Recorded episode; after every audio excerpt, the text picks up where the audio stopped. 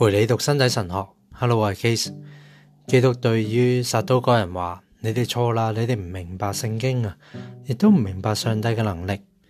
杀刀个人拒绝咗相信肉身将会复活，并向基督陈述以下嘅案例：喺我哋中曾经有兄弟七个人，第一个娶咗老婆，但系又冇后裔，就死咗啦。留低嘅妻子呢，就帮佢弟弟。就代兄立，代兄弟立字啦。连第二个、第三个，直到第七个都系咁。最后嗰个妇人死咗啦。咁喺复活嘅时候，佢系七个人入边边一个妻子呢？基督喺回答杀刀嗰人嘅时候，喺佢回答嘅开始同埋结束，都指出佢哋错啦。嗰个系因为佢哋冇明白诶经文啊，亦都冇明白上帝嘅能力。由於三部對官福音都記載咗呢一段同殺刀幹人嘅對話，因此我哋應該簡略咁樣比較下呢個平衡文本。馬太福音嘅版本雖然冇提及到诶荆棘叢，但係喺馬可福音嘅版本咧就幾乎完全吻合啦。兩者都記載咗兩個要點，第一個就係叙述咗未來肉身嘅復活。第二个系叙述咗已复活嘅人嘅肉身状态，两个要点亦都可以见于路加福音二十章廿七到三十六节。第一个要点系有关于未来嘅肉身复活，同基督对于撒都该人所讲嘅冇明白经文啊，亦都冇明了上帝嘅能力呢一句咧系相连嘅。喺马太福音同埋马可福音咧尤其如此，我哋应该特别注意到呢一句啊。基督借此指出复活信仰嘅真正依据。当撒都该人引用摩西律法入边代兄弟立字嘅规定，为具体例子而提出呢个问题嘅时候，基督所诉诸嘅就系呢个依据回答佢哋嘅。毫无疑问，撒都该人将复活嘅问题视为一个可以被反驳嘅理论或者假设。耶稣首先指出佢哋喺。方法上面有错，有误啊！佢哋冇明白经文，跟住佢又指出内容方面嘅错误，就系佢哋唔接受经文所启示嘅呢个系因为佢哋冇明白上帝嘅能力，佢哋唔相信喺焚烧嘅荆棘丛入边启示自己嗰一个呢个系非常重要嘅回答，亦都非常精确。基督面对嘅人都系自认系圣经入边嘅专家，同埋圣任嘅诠释者。耶稣回应呢啲杀刀该人话：，仅从字面去认识经文系唔足够嘅。事实上，经书主要系一个媒介，用嚟认识活生生嘅上帝嘅能力，用嚟认识嗰个活着嘅上帝佢嘅能力。佢透过经文去启示自己，就好似喺荆棘丛入边向摩西去启示自己一样。喺咁样嘅启示入边，佢自称。我系阿伯拉罕嘅上帝、以撒嘅上帝同埋阿各嘅上帝，佢哋喺信仰上边系摩西嘅祖先，而呢个信仰系嚟自活着嘅上帝嘅启示。呢啲人咧全部都死咗好耐噶啦，尽管如此，基督喺提及佢哋嘅时候，以上帝唔系死人，而系唔系死人嘅上帝，系活人嘅上帝一句咧嚟作结。基督以呢个说话去诠释摩西喺焚烧嘅荆棘丛入边听到嘅说话。如果要明白基督呢一句话关键嘅说话，我哋就必须要承认呢个现实，就系生命并唔系随住死亡而结束嘅。虽然按照人嘅准则，摩西嘅信仰嘅祖先啦，阿伯拉罕、以撒、阿各都已经加入死者嘅行列，但系就上帝而言，佢哋都系活着嘅。如果要正确咁样去重读圣经，尤其系头先引述上帝嘅话，我哋就必须明白，并且咧用信心去领受赋予生命者嘅能力。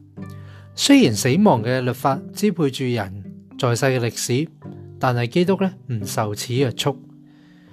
睇嚟我哋应该如此去诠释三部对观福音所记载，基督就住复活嘅可能性，俾撒都该人嘅回答。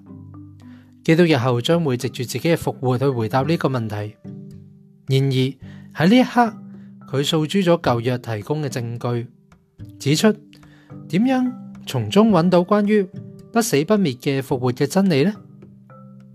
为寻找咁样嘅真理，我哋唔能够停留喺字词嘅表面，而应该去探讨上帝藉住呢啲话启示嘅能力。喺出埃及记三章二到六节所述。上帝向摩西显现入边，佢引述咗阿伯拉罕、以撒、雅各嘅名字，呢啲就系活着嘅上帝为嗰个为住基督而生活嘅人所作嘅见证啊！虽然就历史嘅时空而言，呢啲人应该已经加入咗死者嘅行列啦，但系佢哋都因住佢嘅能力而获得咗生命。耶稣同撒都该人对谈嘅时候，诉诸咗呢一段嘅见证。我哋可以按住以下嘅方式去理解佢完整嘅意义。自有永有嘅上帝，佢系活着嘅，佢本身就系生命，系取之不竭嘅存在同埋生命嘅泉源。正如喺创世纪入边，佢喺起初就系咁样嘅启示佢自己嘅。虽然因住罪恶，人咧必须面对肉身嘅死亡，而且啊唔可以再摘取生命树上面嘅果子。嗰个系创世纪一个好重要嘅象征啦。但系当活着嘅上帝同埋人啦，即系阿伯拉罕啦，仲先祖啊，摩西啊，以色列订立民约嘅时候，佢系不断喺呢个民约入边更新生命嘅现实，再次展示佢嘅前景，并可以话系重新开放前往生命树嘅通道。伴随着呢个盟约一齐嘅系人获享呢个生命，而个源头咧系嚟自上帝。人违背咗第一个盟约之后，本来已经唔能够接触到生命树，而且一定要喺尘世历史入边咧经历死亡。基督系上帝有关呢个课题嘅定论。事实上，皆同基督并且藉住基督，上帝同埋全体人类建立咗盟约。呢个盟约为生命开启咗无限嘅前景，并且前往生命树嘅通道，亦都按住呢个盟约嘅上帝嘅原有计划。决定性同埋圆满咁样展现俾每一个人，呢个将会系基督嘅死亡同埋复活嘅意义，呢个将会系逾越奥秘嘅见证。然而，基督喺撒都该人嘅对话系发生喺基督嘅尼赛亚使命逾越阶段之前嘅。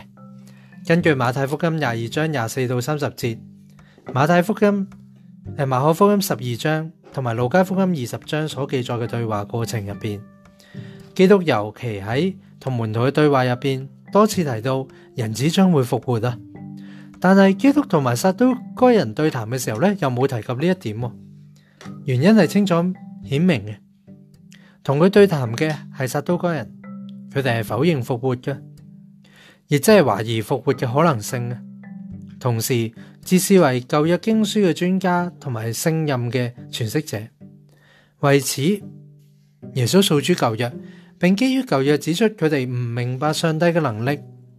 就复活嘅可能性而言，基督正系诉诸活着嘅上帝嘅见证所显示嘅能力，因为基督系阿伯拉罕嘅上帝、以撒嘅上帝、雅各嘅上帝，而且系摩西嘅上帝。实到个人剥削咗上帝呢一个嘅能力，使得上帝唔再系佢哋祖先嘅真正上帝，而成为佢哋假设同埋诠释入边嘅上帝。另一方面，基督嘅为咗生命嘅上帝去作证，指出佢喺人嘅生命上面展现咗所有真实嘅能力。我哋下次咧继续读落去。